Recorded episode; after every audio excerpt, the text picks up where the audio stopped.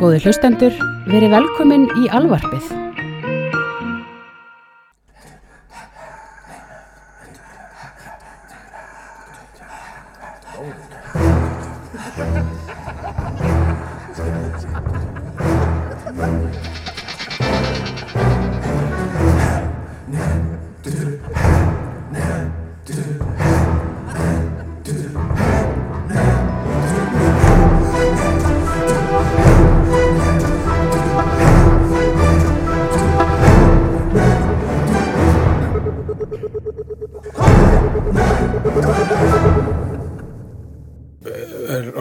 Ég er blankur og er á leiður á að vera blankur og ég er búin að vera blankur úr lengi. Og ég sem er slá glata vegna þess að ég er frægur á Íslandi. Hvað myndir þú segja ég er frægur á skalanum 0 til 10 Sko, ég veit ekki, ég meina uh, ég meina þú ert ónaðaður mm. það er til dæmis ekki að fara með sem er bari vegna þess að það kemur eitthvað svona fólk upp að já, og og við blondur á ég meina þetta þér og svo kemur einhver svona hræðilegu brandari. Mm. og svo ég hann svo og hvað, þú veist fólk, people are the worst eins og Seinfeld sagði. Uh, það Þetta er bara, kemur við eitthvað bað vegna sem að ég er búin að vera að vinna allan daginn eða svona remba úr með einhverjum bröndurum eða semja eitthvað dót. Svo kemur fyrir maður barinn ha? Hversum fyrir maður barinn til að deyfa tilfinningarna sínar til að gleyma deginum? Til að vera ekki vinnunni. Já og svo kemur fólk og bara svona kemur með vinnuna til manns. -hmm. og ég er of kurteis til þess að þú veist ég er of kurteis til þess að vera leðilega við þetta fólk vegna þess að það er bara ég fær samvinskupið þegar ég er leðilegur Já. ef ég myndi segja, segja fyrir ekki að ég er að tala um vinni mína þarna þá hérna Fucking, fucking asshole. Ég myndi fá samskupið strax. Einu sinni þá gerði ég þetta axli vegna að einhver strákur var allt og lengi að plugga einhver þætti sem að ég og hann verðum að gera saman. Og hérna og að lokum bara þá hann að bara uh, hérna ég var búin að segja nokkur sinnum ég var að spjalla við vinn minn Benna Hem Hem svo ég droppi svo ég, ó, ég misti þetta nafn hérna gólfið um, og og þá sagði gaurinn við mig sko hérna uh, bara ok, ég, hann var bara svona fúll vegna þess að lokum þá var sko bara í bæði ég og Benni bara sko þú varst eiginlega trubl okkur við erum búin að byggja fallega um sko við vorum að ræða hérna saman engamál og þannig gaurinn sagði svona ég gladur að ég kynntist þér svo núna veit ég hvernig þú ert í raun og veru En e, það var ekki það sem ég ætla að segja. Ég fór, fór vitlega svo leið hérna. Pointi mitt var það að ég þarf þræl. Já, Ekki endilega betra point. En ég þarf að fá lærling.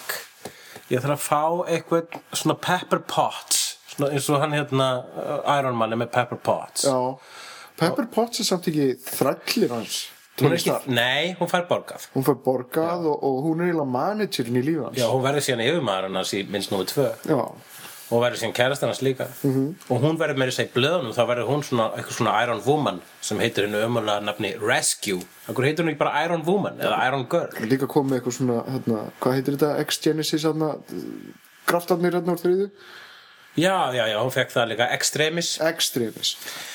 Anyways Þið, þið vantar Pepper og Potts svo vantar Pepper Potts það, sko atriði þegar ég, þegar ég voru að horfa á Iron Man 1 í fyrst skipti og þegar hún kemur með sko hérna uh, espresso til hans um morgunin og bara svo, oh, ég er svona hugsandi maður eins og Iron Man. Og svo er fínt að vera bara eitthvað manneskja sem myndi koma með kaffi svo ég þyrfti ekki einhvern veginn svona að hugsa það líka. Já, og ég, ég, ég held að ég hljóta alveg örglega að vera með aðtiklisbrest vegna þess að ég var eitthvað að lesa þann daginn og það bara svona fittaði allt sko. ég, ég get ekki ég var svo erfitt með að koma hlutum í kring. Ég var erfitt með að gera hluti vegna þess að út á allir ég þarf að gera stóra hluti, ég þarf að gera svona þrjá stóra hluti á dag. Og það er allt tengt eitthvað svona sköpun, list. Uh, ég þarf að skrifa eitthvað ég þarf að teikna eitthvað og þarf síðan kannski búið til ykkur brandara. Og ég, það verður oftast kannski geti gert hálft eitt af þessu á dag vegna þess að eða svo miklu tíma. Ég að vera eitthvað svona svara eitthvað um e-mailum eða, eða ákveða hvað ég á að borða. Já, eða, eða hérna ég, ég veit ekki hversu, sko, ég held að svona 70% af mínu tíma fari í það að standa upp og mun ekki hvað ég ætla að gera. Já, ég lappa í ringi um íbúðuna mína og þú þekkir, við erum hérna í henni núna og það er mjög auðvelt að lappa í ringi þetta er eiginlega mjög slæmt fyrir Þetta er athyglisbrest. hringrásar íbúð. Já, Þú ættir eiginlega að byrja fyrir hurð ég ætti kannski að byrja fyrir eina hörð en þá myndi ég bara lappa í svona skeifu. Endur tekna skeifu. Um, og þannig að það var einn fínt að fá pepper pots og nú er ég ekki að vera að- að- að sexist, ég vil- alveg vilja fá kall alveg eins í að vera minn pepper pots Piper Pots og, og þetta myndi gera það að verkum að ég myndi geta skapa miklu meira dag og þar að leiðandi vera miklu produktívari sem listamæður og þá loksins geta lifað á því vegna þess að dömur mínur og herrar það er illa borgað að vera hugleikur dagsson það er lélegt starf. Maður er alltaf að vinna alltaf. Bara hanga til að, að sopna maður þarf oftast einhver líf til að sopna uh, í vögva eða reikformi og hérna og svo er, er bara hérna dagurinn, einhver svona fucking flækja komast gegnum einhver svona mundane hluti bara svo ég geti skrifa flott atriði í söngleika eitthvað mm. og Og, og, og, og sko gott dæmi um hvernig ég er ég man ekki eins og hvernig ég ætla að klára mitt point núna, ég man ekki eins og hvað ég ætla að segja Jú, jú, það er illa borgað Ég ætti, ætti ég ekki Hvað er ég búin að gera marga bækur? Þrjá, ég er búin að gera allavega þrjá tíu bækur á síðustu tólf árum -hmm. Og ég er búin að skrifa sjóðstáttur Og ég er búin að skrifa þrjú og vera fjögur leikrit Já. Ég er búin að skrifa aðra sjóðstáttur Ég er búin að vinna óslega mikið fyrir sjóarp Ég er búin að gera óslega mikið stand-up Ég er búin að gera óslega mikið list og að selja list og bóla á netinu og ég er ennþá blankur Já, Þannig að þið ykkar sem haldið að sé eitthvað luxus líf að vera starfandi listamæður að maður sé bara eitthvað að borga fyrir áhugamáli sitt fokki ykkur, við veitum ekkert hvað það er að tala um. Og ég byrst forlætt að ég sagt ykkur að fokki ykkur eins og þið veitum náttúrulega ekki betur. En ég er bara pínu frustreraða akkurat núna. Við erum hefnendur. Þú veist reyndar uh, Heli, að hérna, þú ert náttúrulega hlekkjar við þetta litla markasvæði Já, en ég er það samt ekki vegna þess að ég byrjar að gera meira og meira á ensku. Já, En jú, vissulega, það er rétt held litla að- markasvæði það, það, það er alltaf það sem að þrengir að buttunni Mér finnst alltaf áhugavert. Ég var að, ég var að skoða Ég var að skoða hérna, að buddinni Já. Ég var að skoða hérna, sem sagt, netvörð á einhverjum selipum, bara forutnuna vegna. Já, Þá komst ég að því að John Cleese, sem hefur heila æfi af því að- hafa skapað einhverju snild, á, er metin á cirka 10 miljón dollara. já Það er enda sko mínus cirka 20 miljónur sem hann þurfti að greiða út, út af einhverjum mjög dýrum skilnaði. Já, akkurat, veist- eftir heyrða af þessum skilnaði það þurfti að greiða 20 miljón dollara fram til 2016. Þú skeðs ekki Já, nema hvað að hérna, hann er með 10 miljónur dólara metin á það. Charlie Sheen eftir móti metin á 125 miljónur dólara uh -huh. hvað? Já, þetta 120 Hvað, er, 5 miljónur dólara hvað er þetta mikið íslensku? það er ógeðslega mikið. Gætur, gæti Charlie Sheen bjargað Íslandi? cirka, já, Já, pældi því. Charlie Sheen gæti bjargað Íslandi. Þannig ef að, sko, hann er bara eitt seleb og hann er mér að ekki einu sinni það stórt seleb með að við mörg annir seleb sem því er ef að öll seleb í heiminum -hmm. myndu gefa kannski bara helmingin af sínu pening vegna það þarf engin meir en eina miljón dollara í rauninni. Nei. Þú, þú, ef þú átt eina miljón dollara hvað, það, eru, það eru svona 150 miljónur króna. Ég er samt tekið eftir því, ég held að sé mitt sem sagt fyrir að þrengja skónum hjá selebum vegna þess að það er svo mikið af einhverjum svona reunion túrum og uh, Fleetwood Mac er komið aftur á túr. Prince er búin að gefa út nýja plötu. Já, nú erum við að tala um tólestamenn, sko, þeir eru fókt þeir eru ég, ef það er einhverju sem er jafn fókt og ég þá er allir tónlistavinnum okkar. Já, og síðan eru kvikmyndagaurarnir að vera fókt líka. Já, og síðan hérna þú veist, bækur.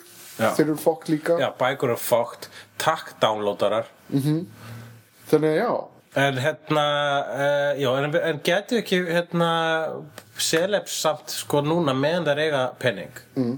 bjarga heiminn þeir gætu það, já. Þau gætu actually bara gert heiminn að utopíu ef þau myndu saminast myndu sko, ef þau myndu gefa öllum þjóðum sem vantar eru að deyja úr hungri Já. pening, þannig að enginn er lengur að deyja úr hungri Já, Myndu hérna, borga skuldir uh, mannkins þannig að fólk þarf ekki að ráðast í annur lönd og, og myrða fylgta fólki til að fá olíu og Já, eitthvað ég meina ef þau myndu bara útrýma fátækt. Já, útrýma fátæk Já, ef, ef að fátækt var í útrýmt Mhm. þá erum við strax komin í betri mál vegna þess að þá væri minni ástæða fyrir því að gera þá glæpi og hræðilegu hluti sem fólk gerir til að sér lífinu. Og mér finnst þetta er sko sorglega við þetta, þetta hljómar geranlegt en það er bara allir Nei Ég held að ein, ein manneski myndi gera þetta. Tak- ein manneski myndi glöð gera þetta, það er Sandra Bullock. Hún, þegar hún gefur alltaf helmingi pening sinn. Já, ég held nefnilega að það sé að Robert Williams var ennþá á lífi. Já, ég held að það sé slatti af einmitt hérna sælubum sem einmitt gera það sko. En hérna Keanu, hann myndi gefa bara alveg 90% sko. Já, ég sá reyndar líka hérna, Shawshank Redemption hérna, Stephen King hann uh, fekk 5.000 dollara fyrir kvikmyndaréttin Shawshank Redemption Já. bara ávísun, sendaði heim til sín hann leist hann aldrei út og síðan, einhverju nokkur mánu setna þá senda hann að innramma það á Frank Darabont sem leikst í Shawshank Redemption og skrifa handritið Já. og bara hérna, hérna félagi ef þið vantar einhvern tímann bail money Really? Mm -hmm. Kanski, já, ég meina King er líka sáttur sko. já, sko, hann er bara góður að sko. Hvað er að gerast? já, hvað er að gerast? Sko, ég er bara með tvö góð hvað er að gerast Já.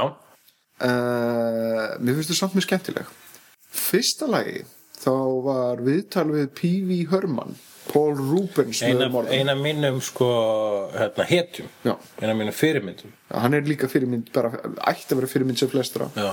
fyrir utan þegar hann fer í bíó en hann, er, hérna já, hann gerði eitt af mest skapandi hlutum uh, uh, nýjönda áratöðurins já, sem var sjóstættin já, og, uh, og, og ég vil bara líka gáka svo langt að segja að bíómyndin hans er, í top, allavega topp þrýr bestu bíómyndir Tim Burtons. Já eiginlega bara frábær. Mhm. hérna, það er konar það, það er sem sagt búið að vera lengi einhvern veginn á leiðinni að gera nýja P.V. Herman mynd. Sem að Abatáin mín ætla að framlega Já. Sko í viðtali bara í gæri eða fyrra dag þá segir hann Paul Rubens að, hérna, að tilkynningur er, er að vænta mjög bráðlega. Mjög, mjög bráðlega. Hann sagði ég held að þetta er því tilkynnt í gær.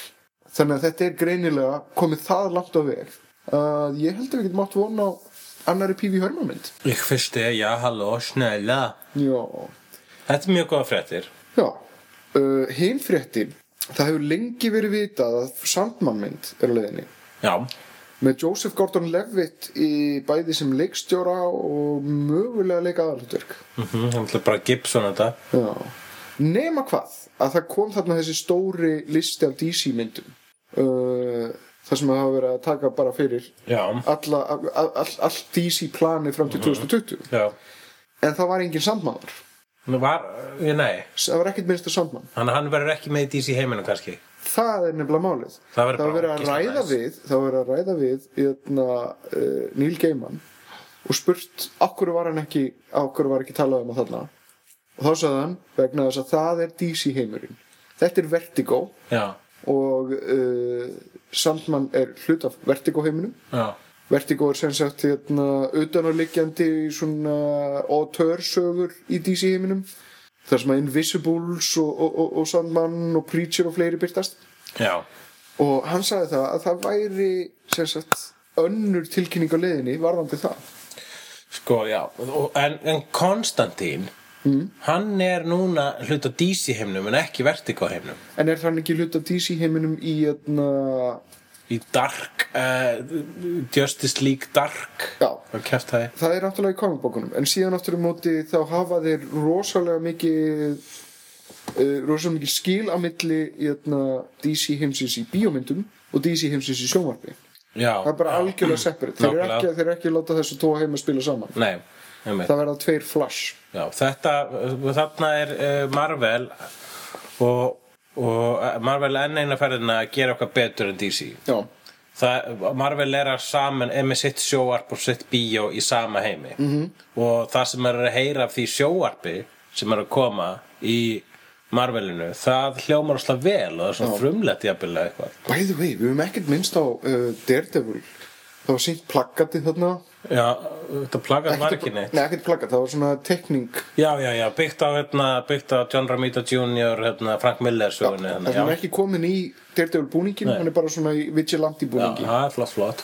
Og, hérna, og ljósmynd af, af, af uh, börnum í, reynda mjög myrk ljósmynd, erfitt að sjá hvað er, að- hvað, hvað er að gerast á henni. Já, en þetta er, ég, ég verð að segja eins og er að ég er bara orðin mjög spenntur fyrir Daredevil. Já ég, einhver hluta vegna er búin að hafa, einmitt, ég hef enga ástæð til að finnast það en það er bara, mitt Spider-Sense segir, hefur sagt frá upphafi að þetta verður gott, Já. ég veit ekki af hverju. Ég held að það sé Netflix. Já. ég held að sé ástæðan að, að, að, að málega, þegar Netflix fréttina komu það var sagt, það myndi koma fjóra serjur Luke Cage um, Daredevil uh, Alias þarna, hvað sem hann heitir Jennifer um, Jones uh, sl- John, John, það er, ka er karakter í, hérna, s- í myndasögu seríu eftir Brian Michael Bendis sem heitir Alias sem er rosa flott persóna svona þunglind kona sem er fyrirverandi ofurhetja og rís upp á þunglindu sínu með því að vera engarspæri og vera síðan blaðmaður og vera síðan ofurhetja bara smátt smátt og ný og, og vera allan tíminn ástasambandi við Luke Cage einnig þetta sem Powerman uh, sem er mjög skemmtileg ofurhetja og var, uh, var mjög fabulous in the 70s þar sem hún starfaði með Iron Fist sem er fjórað þátturinn sem ég heyrði aftur að koma frá uh, uh, Netflix. Iron Fist er það eina sem líst ekkert á þarna finnst hann, hann, hann ekki skemmtilegu karakter. Mm. og hann uppfyllir eina mínum minnst uppáhaldsklysjum sem er hvítur menn að gera að vera betri asíubúi heldur en asíubúi. Mér finnst þetta eitt ákvært fyrir röðin á sig þeir ætla, þeir ætla sagt, ekki að gera mörg sísón af Daredevil heldur þessi fjögur sísón af fjögur mismunandi Ah. ofurhetjur Já. sem að væntarlega koma saman í einhverjum crossover event Ok, þetta verður fjö, já ok, það er flott en á, á, bara ég er það búin að vegna að vera í útskriðu hvað ég meina með Iron Fist Já, Iron Fist er karakter sem að hefur, hérna, er með svona eitthvað kung fu power og hann kann að svona channela sinni chi -hmm. svo mikið að, að, að nefans verður sem járn já, nema það að ég er orðið svo ég vil ekki lengur sjá ekki, þetta á ekki verið hluta 21. öldinni að það sé hvítur maður sem er betri í austurlenskum listum heldur en allir aðra þetta er eins og þetta nýja myndin Keanu Reeves þarna 47 Ronin eða hvað sem hún hét já þá fjallar hann um fullt af svona einhverja svona samuræja meistaralösa samuræja og Keanu er bestur af þeim. Þú veist að Keanu er frá Hawaii. Hann er, hann er hann er mjög asist í sér. Þetta, I will not even acknowledge what you just said. Það er að segja, mér finnst þetta opaslega boring. Þetta er eins og þetta þættir þetta kung fu með hana karadín Þetta er eins og þetta uh, Last Samurai með Tom Cruise. Þetta er, þetta er sko, þetta var allar kung fu myndir sem voru gerðar í bandaríkjanum sem voru ekki með Bruce Lee Það er, hérna, fjallið um einhvern hvítangaur sem er bestur í karakter. Þegar að, þú veist, leifiði Asíubúinum að eiga þessa íþrótt for fuck's sake, sko. Já, þetta er bara svo töff. Maður langar að leika með töffleikvöngin Já, það afsakar, afsakar, ekki, afsakar ekki neitt. Já, það er endur alveg svo en ég, en ég er samt ekki búin að heyra frekar af þessu, þessu Iron Fist dæmi Hvað þá Power uh, En ég heldur að það verði samt? Ég held samt að það sé svona down the line sko. Sjáum hvernig það gengur með Daredevil. Það er bara allavega það eftir að gera Iron Fist asískan. Já, okkur ekki? Why the fuck not? Þetta er nýr heimur Sendi byrja til Marvel. Ég þeir eru, já. Uh, En Var eitthvað Þú varst að segja sand, já, Sandman, einmitt. Já. Ok. Þannig að já, það, Sandman myndin er ekki horfin þótt að hún hafi ekki verið í DC tilkynningunni. Sa- Ef Sandman myndin ekki er rétt þá getur hún verið að flottst kemur frá DC en hún verið vantilega þá ekki hluta DC heiminum en það væri að hræðilegt. Ég er samt sko, ég hugsaði mitt um Sandman uh, Sandman, þegar að Sandman er bestur fjallar ekkert um Sandman. Nei, það Sandman er uh, bara svona sem að uh, oft bara einhver vera í skuggunum sem eru áhrif á líf Já, fólks eina, eini kaplin af Sandman sem adapteralegur í- sem bara passar sem bíómynd er alveg fyrsta, fyrsta bókin uh, Preludes and Nocturnes Hún er æði. Já. Finnst hún samt ekki besta Sandman-sag Það er bara þegar hann er að ná aftur í krafta Já, sína og ég ná veit þetta út það. úr sitt og allt það Það er sko, hún er samt eina af mínum uppáhalds Sandman líklega vegna svona auður lesanlegust Já, ég elska augnablikið í henni þegar hann hittir sýstu sína Já, döiðan Mhm. uh, við einhvern gósbrunn að gefa dúum Já. og síðan já, ég eins og ég segi, ég elska allt sem kemur eftir það tíu sinni meira en ég elska þessa fyrstu sögu sem kemur eftir dúðuna með kornið. Já, bara næstu bækur eftir það, eftir fyrstu fyrstu bók. Hvað er svona flott þannig að þetta atrið með dúðunar og það kornið? er fyrsta lagi það að kynna dauðan sem, sem sæta. Og það- sem er lífsglöð. Þannig að þegar þú last það þá vissur ekki einu sinni þá varst á kynnast henni death í fyrsta skipti. Já. Já. og í náttúrulega, sko, ofananlag að opna hennan heim The Endless. Hvernig þér hún eldast vegna þess að ímóið er náttúrulega búin að svona út mikið að barsmiðum svona menningarlega síðan 80s ég held að það sé auðvelt mála að, að uppgreita útlitið en eitthvað pínlítið þannig að það sé komið tíma meira móðins? að goth, getur gothið ekki bara komið máli koma aftur líka ég- ég- þegar við segjum goth komið aftur var goth eitthvað tímann? Uh, ég veit það ekki. Það málið með goth Þetta mér finnst það beautiful fagfræði. Málið með goth er að sama og með eh, Matrix fagfræðina. Já. virkar ekki veruleikanum. Þú, get, þú ferð sko, það er frábær Tumblr síða eitthvað blogg síða eitthvað sem heit Goths in the Sun það sem eitthvað samansapna ljósmyndum og svona alveg gothurum eitthvað stær í Kaliforníu. Þú náttúrulega bara fyrt ekkert í umhverju þú getur ekki verið í síðulega og svo sveittir og, og, og, og reyna eins fullir og geta mér, mér lá- langaði líka til að hérna, varpa upp uh, fyndinni ímynd af sko, svipuðu þess að talum með Goths in the Sun. Það er einmitt það sem var í kjölfar Matrix. Kom, mannstu eftir, Matrix þá voru svona sumi nörda sem keftu sér svona Síðan síðajakka leðurjakka, já. og sólgleru og voru svona vaskreitir og náttúrulega sko bara þú veist, það gengur ekki vegna þess að Matrix, það er með svona ákveðin svona bláum filter Mhm. og það er í slow motion og það er síðan eitthvað svona technotólist Já, og síðan er staff fyrir utan sem er með svona, þú veist, svona viftur dót til þess að kæla þá sko Nákvæmlega Í sambandi við allt svona þá er náttúrulega sjálfströst leikillin Mhm. -hmm. Þannig að þú, þú getur verið kúriki ef þú bara veist að þú ert fokkin kúriki og drullur saman hvað öðrum finnst þá ert hann kúriki og kemst upp með það. Sjálfströst gerir kraftaverk Ekki satt krakkar já. um, Hérna Ég mun langar að segja eitt í viðbútt hvað er að gerast það er það að Marvel vera ákveða nýlega Marvel blöðin þar að segja myndasögurnar að hætta að gefa út Fantastic Four. Ég er ekki búin að kynna með smá til nefnir svo ég vill ekki spoilera en Fantastic Four er að fara að hætta. Liðið er einfallega að fara að hætta. Það er reyndar ákvörðin sem er tekin uh, efst á toppnum. Já, nú, já. nú á Disney, Marvel. Uh -huh. og uh, einn stærsti hlutafinn í Disney er orðin svolítið súr út í etna, þá sem er að framleiða Fantastic Four bíómyndina. Það er engin samtöl eða samskipti út af þessu. Já, og þá eru þeir bara að leika sér með eitthvað property og þeir eru að svona kúka svolítið á Marvel heiminn með, með, með, með því að bara svona gera eitthvað. Já, mér finnst þetta mjög, mér finnst þetta bæ, bæði gott og slæmt. Mér finnst eitthvað gott við það að þeir eru að fokka í þeim sem eiga Fantastic Four og vilja ekki selja til Marvel Studios, þannig að þeir vilja líka græða. Og hérna, mér finnst svolítið cool hjá þeim bara svona, ok, þá ætla bara, við ætlum, á meðan þið geru út, gefa út ykkar, hérna, Fantastic Four mynd, þá ætlum við ekki einu svona gefa út fucking Fantastic Four blöð. Þannig að ykkar mynd, ykkar mynd er byggða myndasögur sem er ekki einu svona gefin út. Við Fuck you. ekki ætlum við að borga auðlýsingaherfrið Já, ykkar nákvæmlega, það var nákvæmlega Mér finnst þetta svolítið sniðut hjá þeim á sama tíma þá er þetta það sem ég óttaðist og hefur rætt hér áður þegar ég var að böl, uh, bölva mm. personinni Angelu. Já, Við tókum það ekkert um upp á það ekki?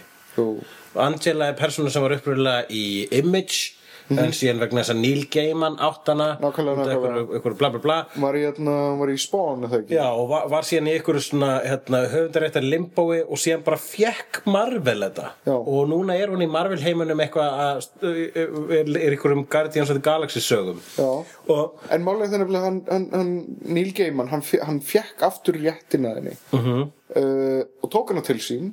Og hvað hann er að gera hjá Marvel Þetta því það Angela er bara einhver leigustelpa í Marvel heiminum það sem ég er að segja mitt, núna er comics verandi orðið mainstream Já. dæmið orðið að fucking hafnabolta. Já, og þetta er það sem nákvæmlega sem er að gerast líka í Fantastic Four. Það er ykkur eigendur að breyta því sem gerist í sögunum mm. vegna út af business. Það er reyndar, það er reyndar eitt, það búið að vera svolítið áhugaverð þróun einmitt í eignarhaldi á karakterum. Sko, uh, Fantastic Four. Stan Lee og Jack Kirby búa til þessu personur Jötna, það er búið að vera samningar við uh, fjölskyldu Jack Kirby's varðandi réttindamál á karakterum sem þeir eru að nota sem hann hefur skapað. Já. og þeir hafa grætt millions og billions á sko. Þessir með, fjölskyldumæðlumir nei, fjölskyldumennir hafa ekki grætt Nei, þetta þetta var gert fyrir þúsund kall skiljur og, og, og, og síðan bara á marvel þetta að eilífu amen. Uh, sama hefur líka hefur lengi verið höfundarétta barátta uh, uh, ættir Sigurlu Sjúster Joe Siegel uh sem var gerðið þetta súrmann þeir hafa viljað fá einhvers konar, einhvers konar piece of the pie. Uh, en hafa ekki fengið neitt. Nei. þannig að hérna, ég veit ekki, við erum, við erum að leiðin í eitthvað nýtt landslag þar sem að creator owned content eða, eða sköpunarverkið sé í höndunum á hennum uppalega skapara og eign hans og hann fá eitthvað svona ágóð af því ef hann býr til eitthvað Er það? Er þess að karakter sem Grant Morrison gerði þegar hann gerði X-Men síðast Er hann að fá borga fyrir að- þegar þau poppa upp? Nei, við erum að færast í þess átt ég er ekki að segja þessu orðið nú Nei, þegar er en reyndar maður eins og Grant Morrison getur uh, sagt, eins og til að mynda hann græðir alltaf ógeðslega mikið á Arkham Asylum Mhm. vegna þess að hann skrifa hann og hvað skilt sem það er selt eintakaðan þá fær hann smá, smá Já, sem, já, sem sker sko. hann er, já, ok Þannig að hann fær líka borga þá enda fyrir uh, New X-Men. En karakterir sem hann býr til í Arkham Asylum Já. ef að það er eitthvað slíku karakter sem er síðan endur nýttur ykkur stað setna hann fær ekki neitt fyrir það. Ég þarf að fara að skrifa ofurrið í myndisögur Dánarfregnir og njarðarfarir. Talandi um uh, P.V. Herman já, að æðisleg leikona var að deyja núna fyrir mjög stuttu síðan hún var þekkt sem ein að hún var á tímabili ein af leikonunum í Saturday Night Live og var uh, í einu mínum uppáhaldsatriðum úr P.V.'s Big Adventure. Uh, konan sem sagði There's no basement in the Alamo. Hún dó Jan Hooks úr krabbamenni með hún hvíla í friði. Á hvað ertu að glápa? ég var að tala um eitna, John Cleese á þann. Já, ég eitna, ástæðan fyrir því að ég fór eitthvað að pæla í honum var það að ég var að horfa á gamalt stand-up sem að gerði sem er ekki það gamalt, það er svona nokkur ára gamalt sem að heitir The Alimony Tour. Já. Og það er sjó sem að hann setti af stað til þess að borga nýður þessar skuldir sem að, sem að, sem að, sem að söfnuðist út af skilnaðinum. Já, uh, án þess að ég vil fara í eitthvað spoiler dæmi sko, þá er hann bara frekar einlegur með það og segir það bara strax í byrjun. Þetta er ástæðan fyrir því ég er að gera þetta. Já. hérna er Nordnin sem hafði að mér alla peningana. Uh, og mig vantar peninga. Uh, síðan sko, en, síðan fer hann þetta er eiginlega ekki stand-up. Þetta er eiginlega pínu bara svona rölt í gegnum uh, ævi John Cleese sem skemmtikraftur. Ok, þannig að það er ekkert eitthvað punchline eða brandar, það er meira bara sögur. Já. Svipa ég var að horfa á mjög nýlega sem var uh, uh, uh, raunin bara með John Waters. Það sem hann var að fara við sinnferil. -hmm. Nema ég held, ég hugsa að það, hann og Cleese eru svipara því þeir eru bara svo ókýtla sjarmerandi og skemmtilegir. Já. Er bara eiginlega næstu eins og horfa á standu. en hann síndi líka sko svona hinn og þessa sketsa og atrið og bíómyndunum og, og Monty Python sem sagt ferlinum mm. uh, mér var stundar eitt ógeðslega skemmtilegt við þetta er það á einum, einum kabla þá, þá, þá er hann að tala um það þegar að Monty Python verður til. Og uh, hvers vegna það virkaði. Og hans útskýring á þessu er svo að það voru einhverjir menn við BBC einhverjir executives sem vissu hvað þið voru að gera. Og uh, vegna þess að serían var svo ódýr -hmm. þá var enginn að trubla það, það ekki einu, þeir, þeir vissi ekki einu hversu margir voru að horfa þá við bara um leið og markasfólkið fyrir eitthvað að skipta sér að það verður allt krapp.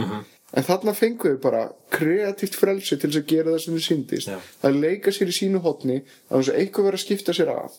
Og það er það sem hann þakkar þeirra vel, velgengni.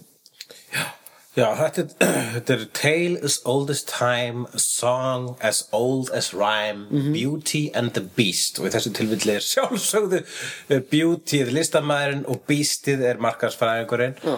og uh, þetta er bara darra, sá darraðadans sem maður þarf að dansa alltaf í þessum hérna, bransa, rýmaði pínu þarna og uh, hér, og uh, ég ætla ekki alveg að stansa strax með þessa sögu.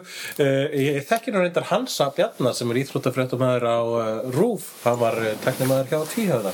Já, þetta fór út í vitleysu. En hérna um, það er þetta að í hvernig díla þú við Markus Frank ég gera það með því að basically kinka kolli og segja já, góð hugmynd ég ætla að gera það. Og sem ger ég það ekki um, Sko, það eru ákveðnar skorður. Það er svo, svo mikið sem maður getur haft áhrif á. Mm. Ef maður er með nóg að freka einstaklinga með sér liði sem eru tilbúinir að berjast fyrir að þetta sé almennlega gert já. þá endar það vanlega með því að maður þarf að gera þetta allt sjálf Já. Uh, uh, uh, út með eitthvað frekar með þér í liðið þá getur þú nota hann sem eitthvað skonar vopn gegn markaðströllinu. Já, en ég bara, þú veist, já. Þurfti mað, man langar til þess að mynda að treysta Já. markasynjunum fyrir því að gera never, never, never negotiate with a lawyer in the room. Eins og hann sagði hann Werner Herzog og ég lærði ímislegt úr þessum skóla og meðal annars að vera frekar Já, og uh, það gagnaðist mér nýlega í bransanum. Mm.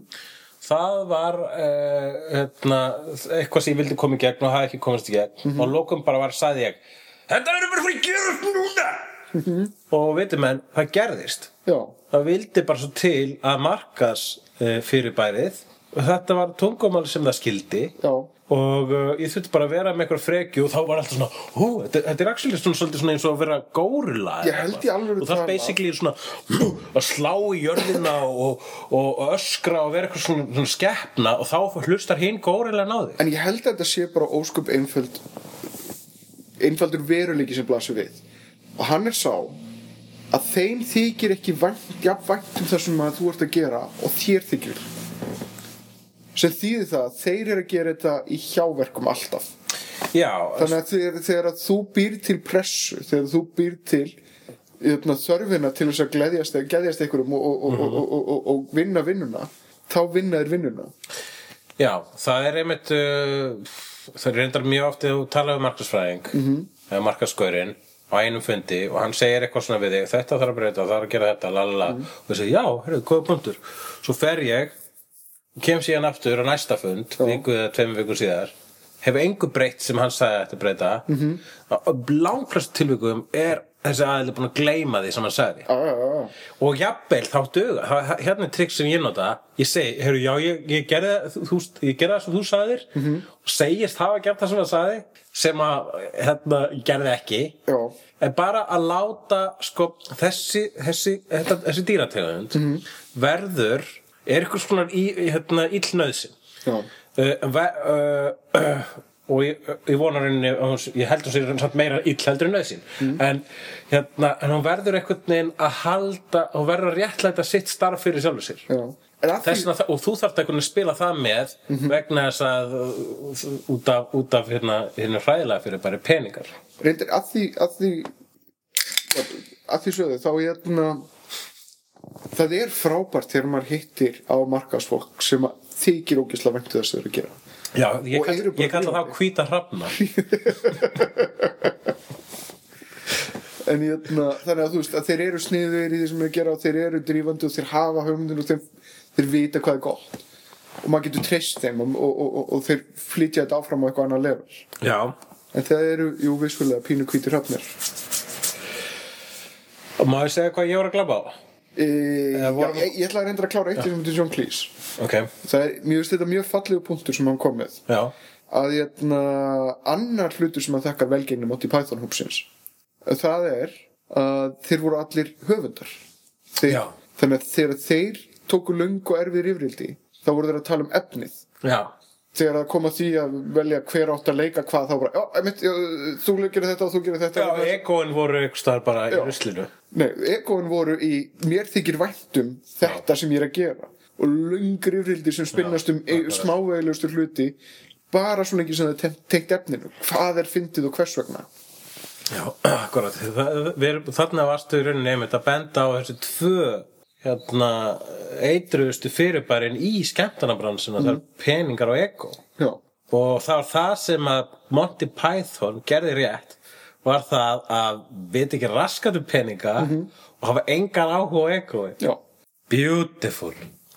Mér langar bara til að segja að ég var að glápa myndina Babadook Já. á kvikmyndaháttíð á kvikmynda á afmælistæði minn fór ég hvorki meira en minn en fimm fjóru sinnum í bíó. Fjóru sinnum í bíó og á slæginu af afmælistæðinu minnum að minnætti þá fór ég að minnættu síningu á sem sé áströlsku kvikmyndina Babadook. Þetta var á kvikmyndaháttíðinni og uh, þetta er uh, það er langt síðan ég hef verið, verið hrættur í bíó. Þarna var ég hrættur ég var ekki hrættur svona hrættur en ég var með gæsa húð meira á minn allan tíman og það er mjög langt síðan ég upplifa það og þetta var samt fullur salur vanlega það var skemmir sko hérna uh, nærvera annars a- a- fólks uh, áttan. Já. og þess vegna finnst mér mjög oft svona gott að horfa á uh, hryllismyndir einn vegna þess að þá verð ég svona genuinely hrættur þetta er það sem ég er byrjað að stunda horfa á hryllingin einn vegna þess að þá, líð, þá verði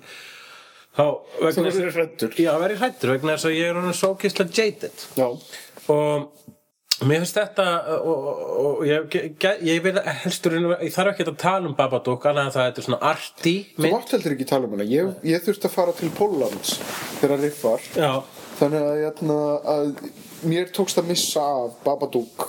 Já, hún er óinnuleg -hmm. en er svona fylgir uh, á sama tíma uh, svona uh, hryllismynda hefðum Já. og er bara einfallega beautiful. Og ég segi ekki meira. Og kvenkins leikstjóri om. Ég fór mynda að hugsa um Geta það. er leikstýrt. Nei, ég fór endur að hugsa um það. Mér, Ah, horror movies, that is no place for a woman mér langar nefnilega til þess að sjá fleiri hryllingsmyndir uh, eftir hvern leikstjóri og hvern höfunda. Þú kona sem leikstýr í Pet Cemetery og það er einn mest skýri mynd sem ég sé. Shit hvað Já. myndi skeri og kona sem leikstýr í American Psycho sem er uh, mest intellectual slasher sem hefur verið gerður. Mhm. það er ekkert nýtt að konur geta gert góðar Það hérna, nei, ég er að tala um að það mættu vera fleiri. Já já, það mætti vera fleiri konur punktur, allstaðar, punktur, konur punktur, allstaðar, punktur. Konur. Konur! En hérna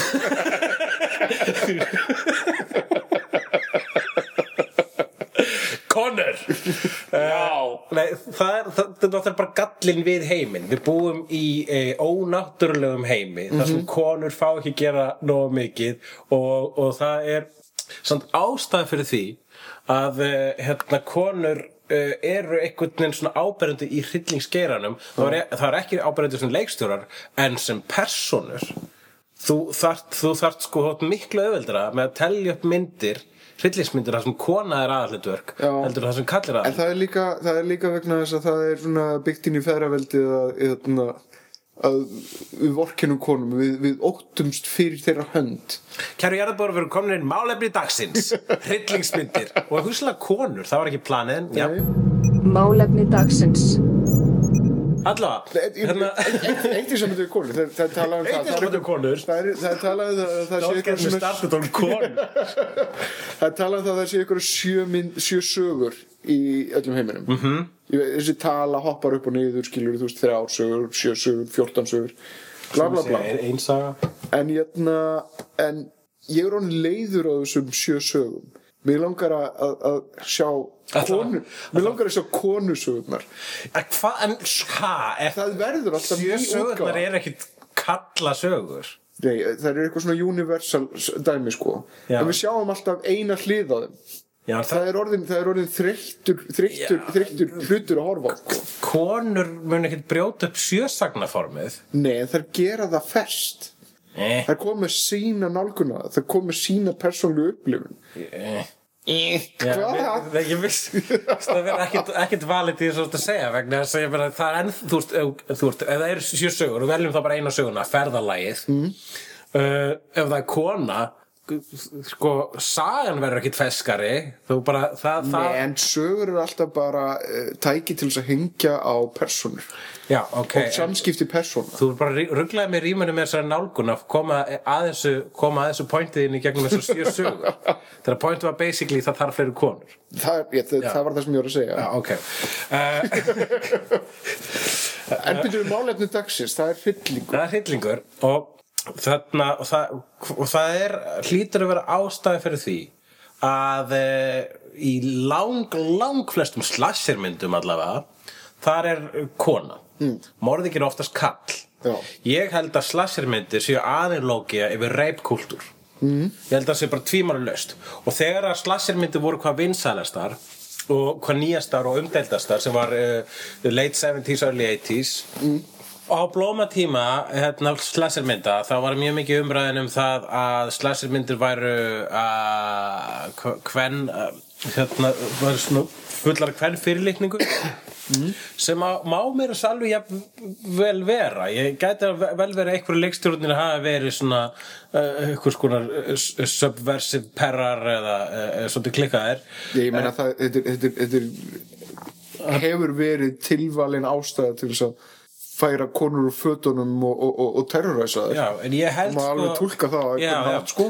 Ég held, ég held hins vegar bara list listaverk eru rauninu sjálfstæð það eru bara lífverur og þau eru lífverur uh, og þar leiðandi þú veist, já, oft í mörgum mörgum tilvíkum ef að leikstjórar meina eitt þá skilar samt uh, eitthvað skonar sál tíðarandan sér inn í hérna, myndirnar og það finnst mér-. Þannig, þannig finnst mér vera raunin raunin með hryllingsmyndir. Þessar hryllingsmyndir eru myndir sem að eru gerðar til þess að skapa ónöndu tilfinningu, til að skapa ótta eða ógeð.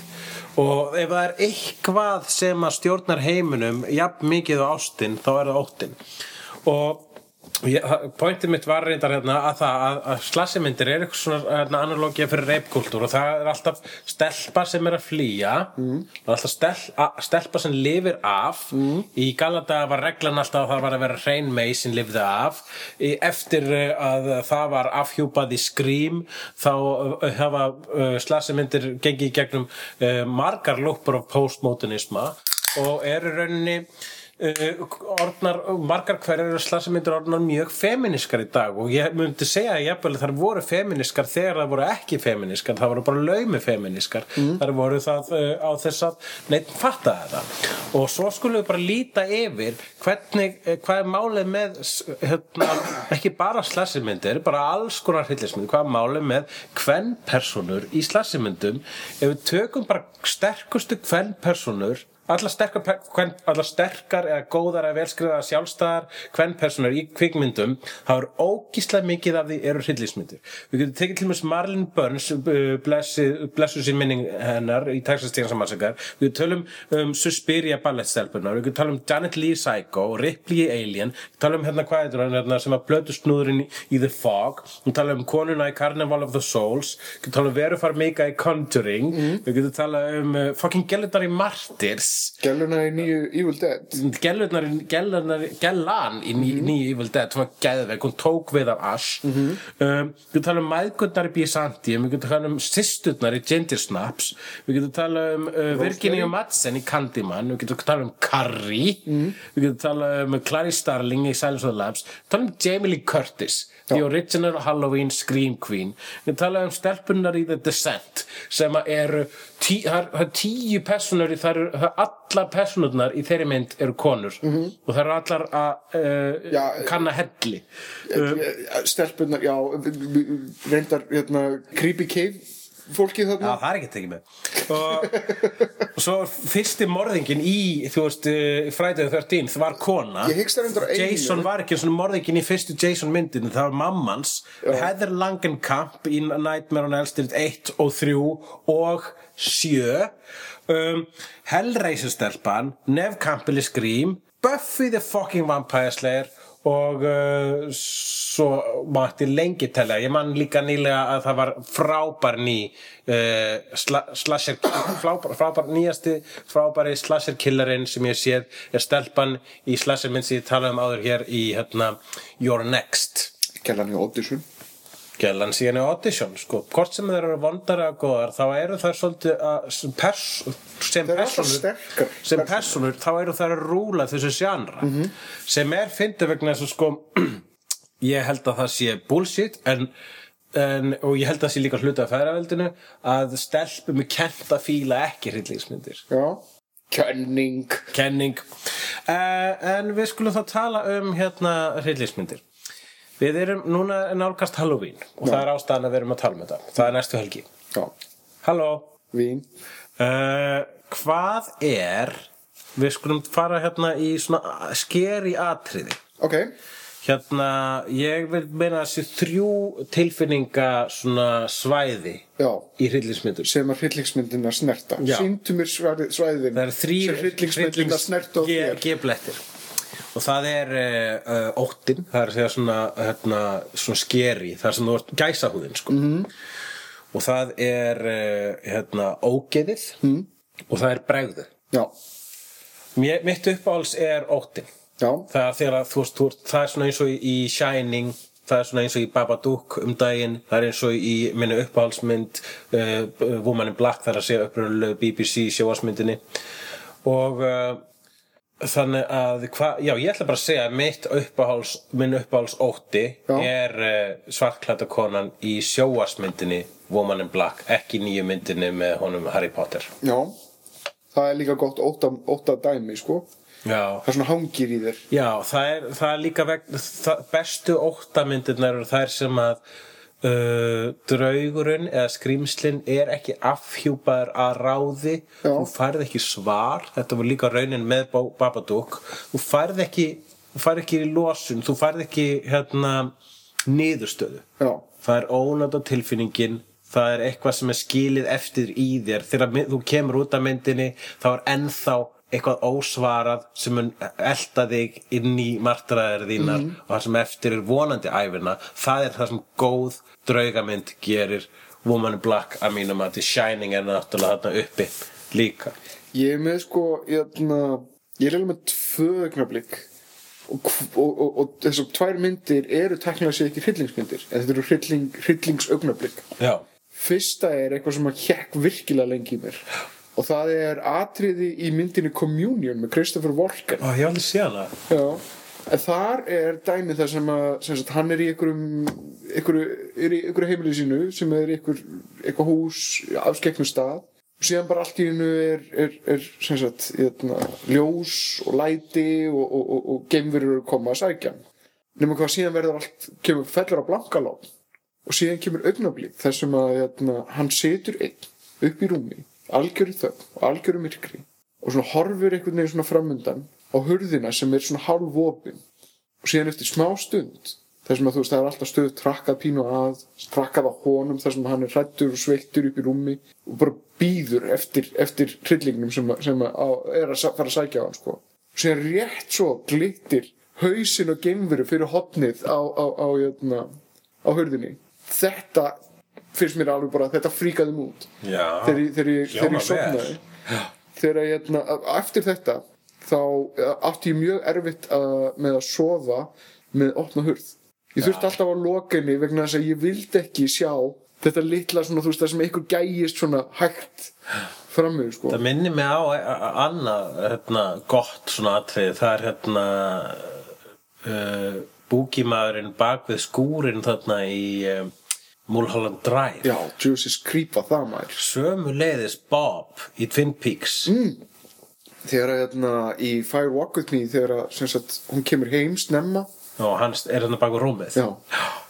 Er klikka, klikka skeri uh, en reyndar hérna sko, ok, það sem hefur virkilega ennþá hangið í mér mm.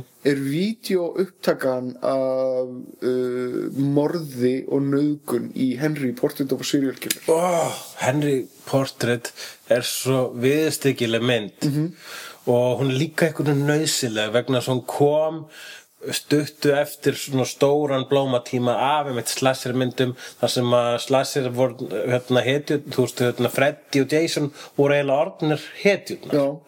Og þá var einhvern veginn svo mikilvægt að kom þessi gaur alvöru skrýmsli sem var alvöru skrýmsli í alvöru veruleika og gast ekki haldi með en vegna þess að hann var alveg personan þá, þá bara var ákveðið fyrir bara í þér sem held með honum. Þetta er eiginlega svona, þetta er næstu því eins og atriðið í Clockwork Orange þar sem að hérna, þeir riðjast þarna inn uh, hjá þarna uh, görnum og, og kærustunars og ráðast á þau uh, með þarna risastórum tippaskúltúr og eitthvað lendi. Sástu, síðasta Treehouse of Horror? Nei, ég áttur að horfa það. Er, það er Stanley Kubrick hérna, tribute, eitt, ein sagan. Er, eh, síðasta Treehouse of Horror er actually eitt besta Treehouse of Horror ever. Ok. uh, Treehouse of Horror er náttúrulega eins og þið viti ég er að búa Halloween Special Simpsons þáttana. En Henry Portrait of a Serial Killer er svipað á þetta, þetta er home invasion mm. og þetta er tekið upp af morðingjum sjálfum Já. og þetta er svo realist vegna þess að þetta er tekið upp á ódýra Þannig í þessu videokameru tilviki sko var, þetta er svona eiginlega meira samt feel bad heldur en ótti Já, þetta þetta er, þetta er nálægðin við hryllingin Ég held að það sé verður fjórða svo element. ótrúlega, ótrúlega óþægilegt. feel badið sko uh, nærvera ílskunar eða svona kunnulegi ílskunar Já, með þessu, með því að vera einhvern veginn með POV Já. sjónarhól morðingjans mm. það sem hann er að framkvæma þetta þá verður þú einhvern veginn þáttakandi í þessu. Mm. Það er POV, ég þarf að nöðsynlega POV aðeins í- salinni þér. En það er líka annað dæmi með, Ok, búin að POV-a en það er nákvæmlega með þetta að það er hérna að gera þig að þáttakandi í hryllingnum. Já, Það er já, já, hérna- það er sem með Mad by Dog líka. Hvað hétt áttur Michael Haneke myndin hérna? Uh, hún, er, er til Funny Games. Já, það er mynd sem að gengur sérstaklega út af það að gera þig þú getur slögt á þessu Já, hvernig sem er. akkurat, það eru, það eru svolítið systra myndir Henry og uh, Man Bites Dog og uh, Funny Games er, og það eru allar myndir sem er að segja þér að skammast þín fyrir að horfa hryllismyndir Já. að skammast þín fyrir að nota sásauka þó að það séu ímyndaðar personur Mhm. sásauka og dauða ímyndaðara persona sem skemmtefni Ef það er ekki hinn sannir hryllingur og það, það er hinn sannir hillingur vissilega og þetta væri góð lokaorð en við erum bara rétt byrjaði en hérna, já, Funny Games er æði það er minn uppáhalds feel bad hryllismynd ef við ætlum að fara inn á það svæði Mhm. uh, það er samt uh, næsta element sem er langar til að taka yfir er uh, bregðu. Já, hvað eru þín uppáhalds bregðu atriði í hryllismyndum? mitt uppáhaldsatrið er í myndinni Seven.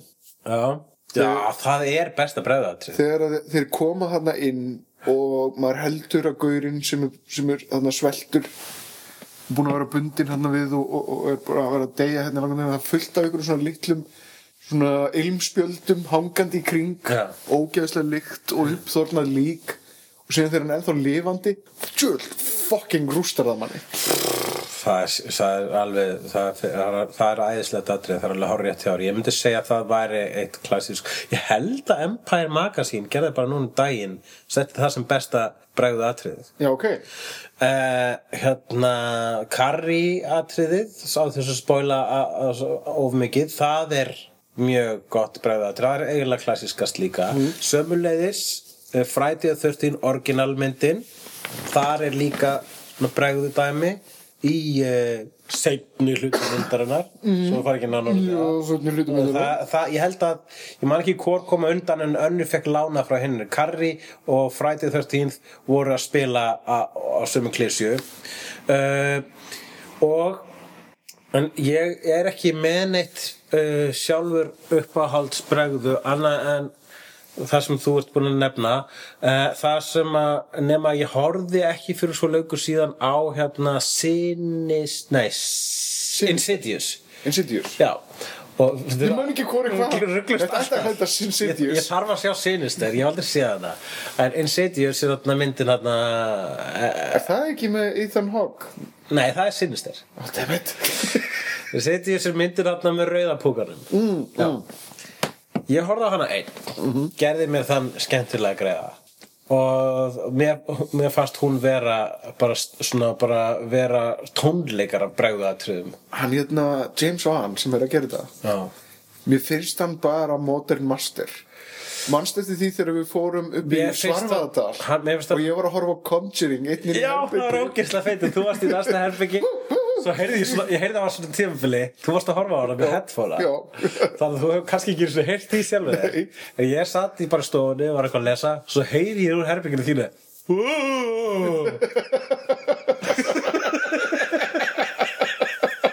Þetta er svo dans Mér er svo gaman upp svo gaman þegar maður upplýði það tilfinningu að maður hérna gefur frá, frá sér hljóð. Það er vegna þess að sko að þessu leiti er sko húmor og horror skildur Já. húmor finnst mér vera elsta listformið en kannski er horror eldri Ég listform. held að þau séu sískinni sko. Já, algjörlega vegna þess að þetta eru einu tvö eh, ekki einu tvö, en að þau bæði gera það að verkum, þau geta ef að þau eru, eru matrið rétt fyrir þig Mhm. þá mun þú gefa frá þér eitthvað dýrslegt hljóð. Það er mikla algengara með húmor vegna þess að þá hlærðu og hlátur er, er sjálfur sér fárlegt fyrirbæri. Þetta eru að við skildum vera sinnmetta verur og byggjum tölfur og skíakljúra en þegar við sjáum og heyrum eitthvað fyndið eða eitthvað skrítið eða eitthvað sem kemur á óvart þá gefum við frá okkur eitthvað svona gælt þetta er astnalegt og uh, horror er það eina sem kennst nálætti mm. -hmm. það er verið svona eins og til að fóra pappa tók út daginn þá öskraði salurinn. Já.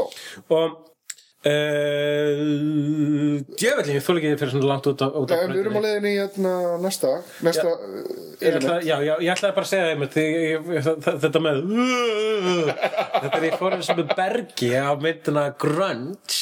Nei, Grunge, Grudge. Grudge, já. Þá einmitt kom svona þessi draugur. Og þá heyrðist frá bergi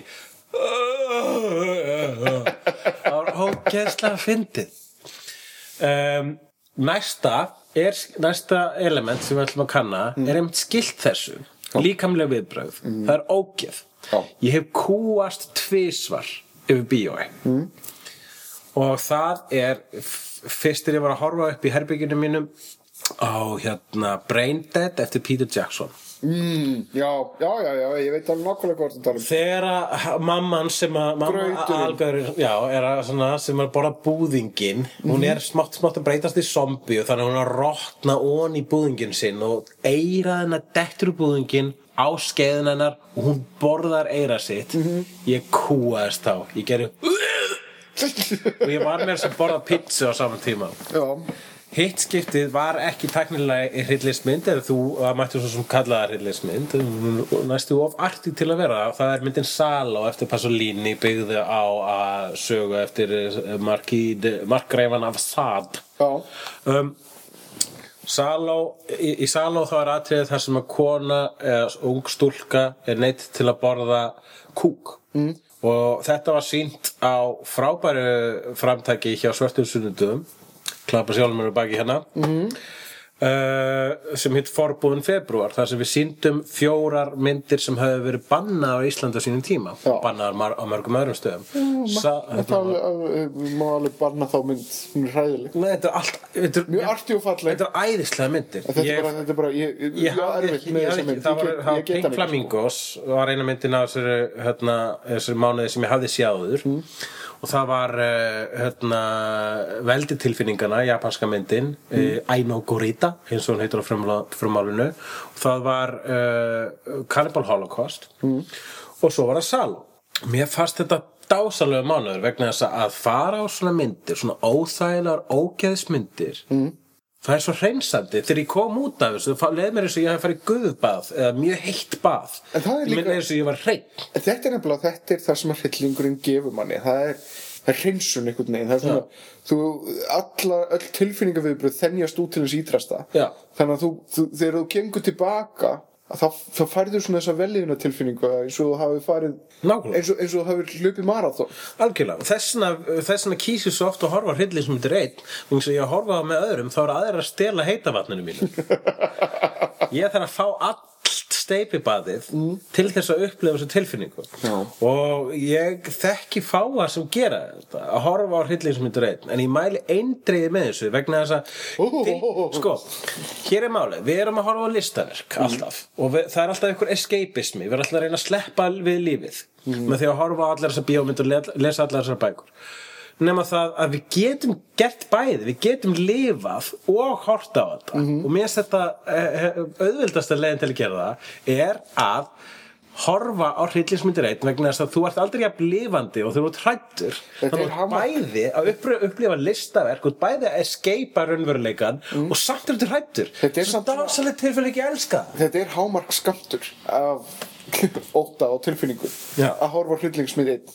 Hámark skamtur og, þetta, og þarna, að, þarna myndi ég aðskilja horror og húmor vegna þess að horfa á, grín það virkar best í hóp. Já. en að horfa á hrylling virkar best einn. Nema þú ert að fara að það er líka hægt að taka rússibannan á hryllismyndir og fara í fullan sal af fólki að öskra, það er líka gaman uh, og síðasta það var sérstaklega gaman þegar ég fór á kvikmynduna uh, Drag Me to Hell sem Já. er bókstala rússibanni Ó, það er Það er basically leikinn Tex Avery teiknumynd Mhm. Já, sem að Sam Raimi gerir bara hann er, hann og jötna, Coen bræður, þeir voru í þessum gíl saman mm. en já Hvað er ógeð, hvað er hérna- Ógeðið mitt? Uh, ég held það er alveg margir kontender sko mm.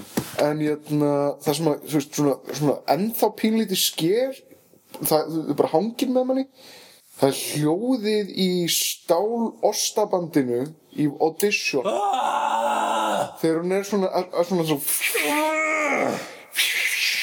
ah, Það er svo ógeðslegt ah! Ingun vinkona mín Já. sem að þóldi ekki hryllisbyttur kannski þólar hann ekki að þá Já. en allavega hún, hérna, hún kom eins og heim til mín. Þá var ég nýbyrjuð að horfa á audition -hmm. og að horfa hann í annaði þriða skipti. Já, lítur út þessu romantísk eitthvað svona áhugaverð og hún bara, hvað er það að horfa? Þetta er bara óslega fín mynd, sagði ég. Vitandi að hún forðaðist hryllismyndir og uh, hérna og hún bara, já það, ok ég bara, horfðu bara á þetta.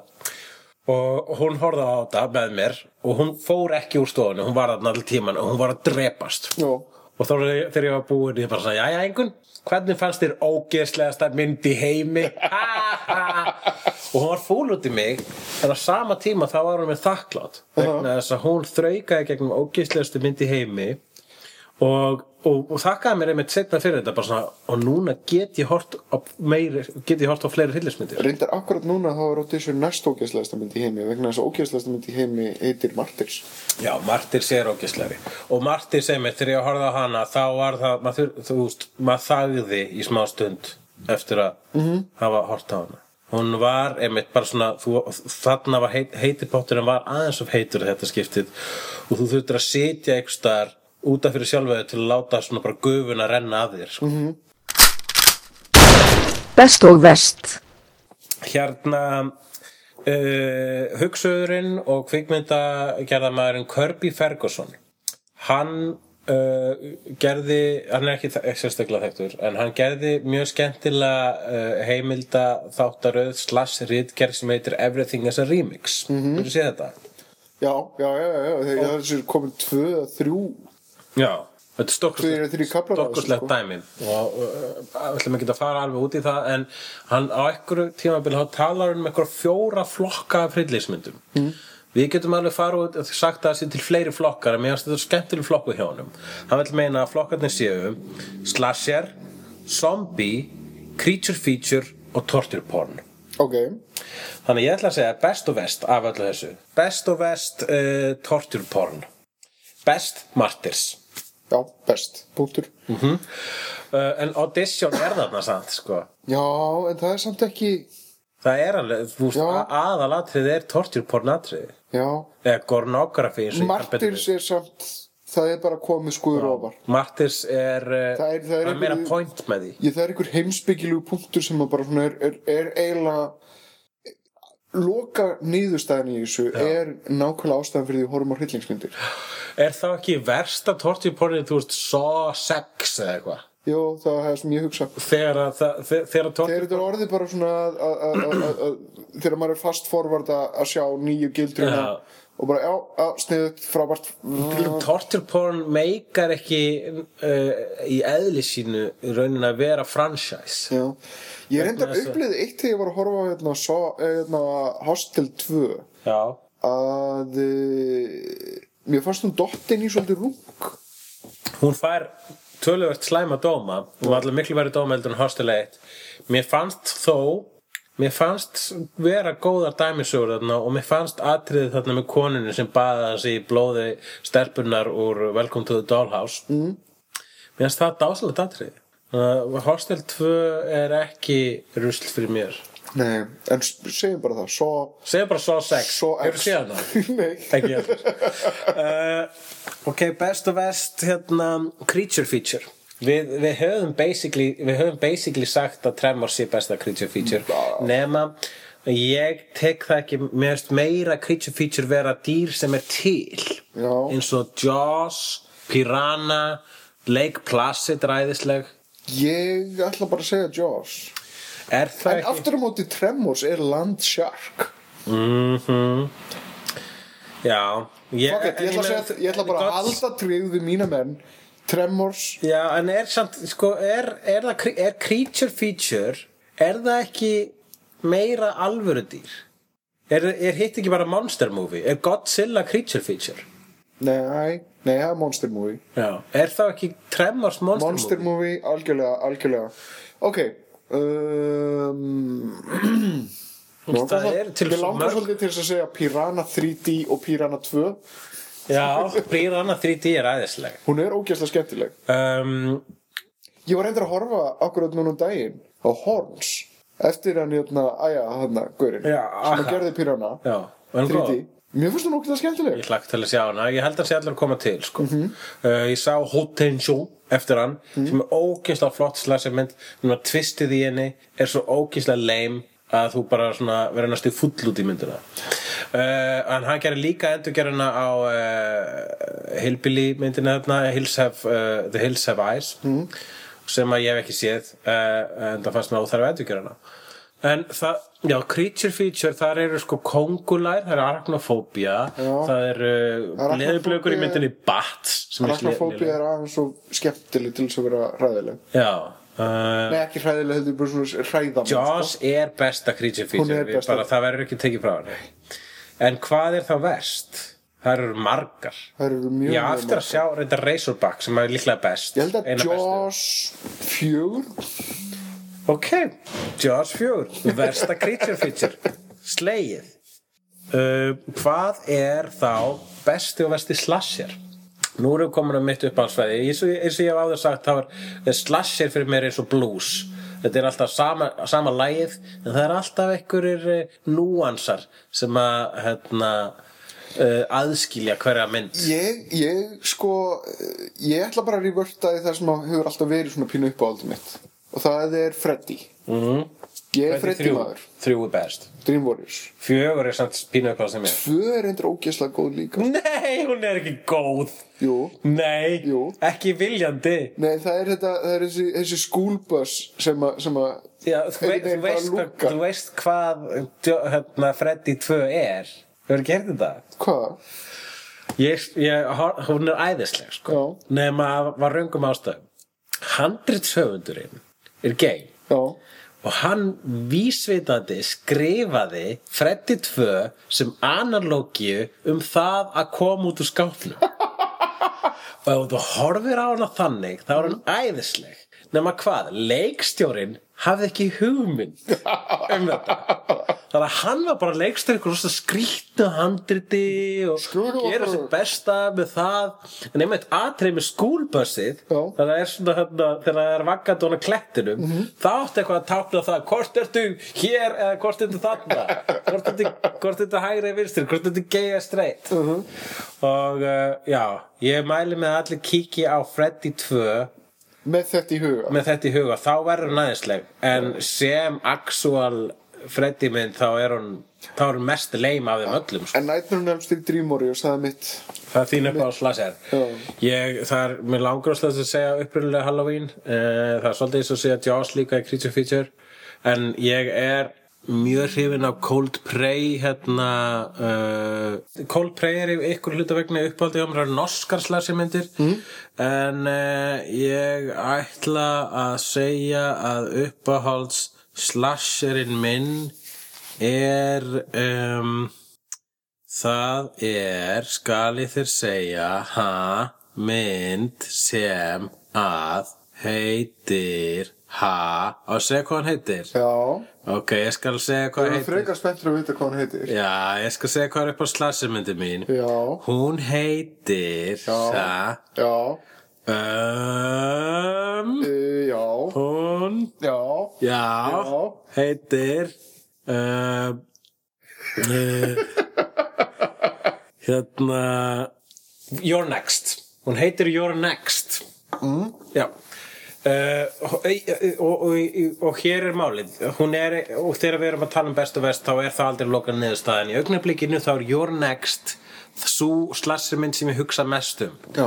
hún uh, er pínu hérna, eins og ég minnst á hann áður hún er slassirmynd með smá home alone twisti. Ok, og versta slasser ég meina þú veist hvað ég var að segja? Freddy 2 það er einhver númeramynd skilur Eh, Freddy vs. Jason til dæmis eða Friday the 13 þarna game myndin.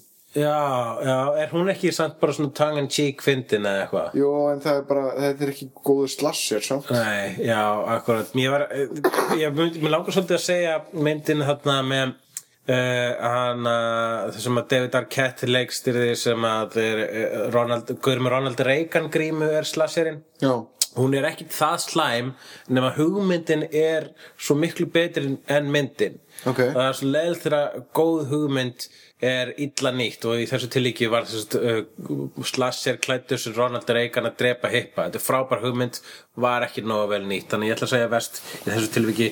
Og að lokum zombiumyndir þá ætla ég að segja það er vinsælt að segja Dawn of the Dead og það er besta zombiumyndin allra tíma en mér langar bara til þess að vera augrandi að segja Dawn of the Dead endurgerðin. Uh, ég er reyndar alveg sammálaðið með það sko, ok, Dawn of the Dead endurgerðin er eitthvað svona lítið kraftverk. Mm. það er bara, hún er drífandi, hún er það frábær. Zack Snyder sem gera þetta er, þetta, er, þetta er fyrsta stóra verki sem hann Ég gerir. meina þegar ég fyrir þetta Zack Snyder að gera Watchmen það hafði ég ekki áhugjur vegna þess að hann gerði Dawn of the Dead endurgerðin Mhm. en versta zombie myndin Það er svo margar? Þær eru svo margar. Já, og það, eru er eitthvað málið með all, allar þessar hryllismyndir, það er svo margar slæmar.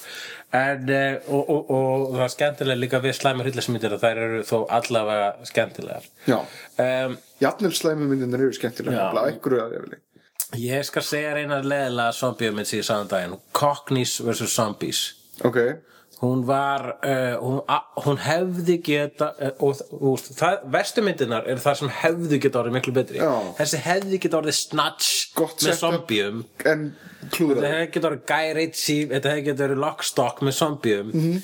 nema þetta var einhvern veginn svona það var bara ekki nóg klár gaur sem skrifaði þetta og hún var bara hún, hún re, reið sig allt um mikið á það. Já, Reitt- reitt- reiddi sig. reiddi sig. Hún reið sig alltaf mikið á það. Hún reið sig í raskatið. Já, ég ætla bara að segja það líka. Þetta er þá endirinn á þættinum en kæru jarðabúar með langa til að byggja ykkur um að mæta á myndlistasýningu sem ég er að skipulegja á samt öðrum næsta föstudag þar að segja á rekjavíkunni sjálfri klukkan 5 í regnbóðunum einnum þekkt sem Bíóparadís sem heitir GGG Sýning þessi er tilenguð hinnum þremur heilugu gefum, Gremlins, Goonies og Ghostbusters. Þarna munum við sjá meir en 30 listamenn tólka eitthvað eða allar af þessum gemsteinum 8-9 áratögarins e, í myndlist. Endilega mætið, það verður eitthvað í bóði, eitthvað svona vín held ég, whatever. Bye! Ógnar fjör má alltaf sjá. Í Reykjavík. Á landinu um loftin blá. Líka á sænum. Hættur og háski. Látur og gáski. Hefnendur Í Reykjavík Hefnendur Í ævintýrum lendast þess Hefnendur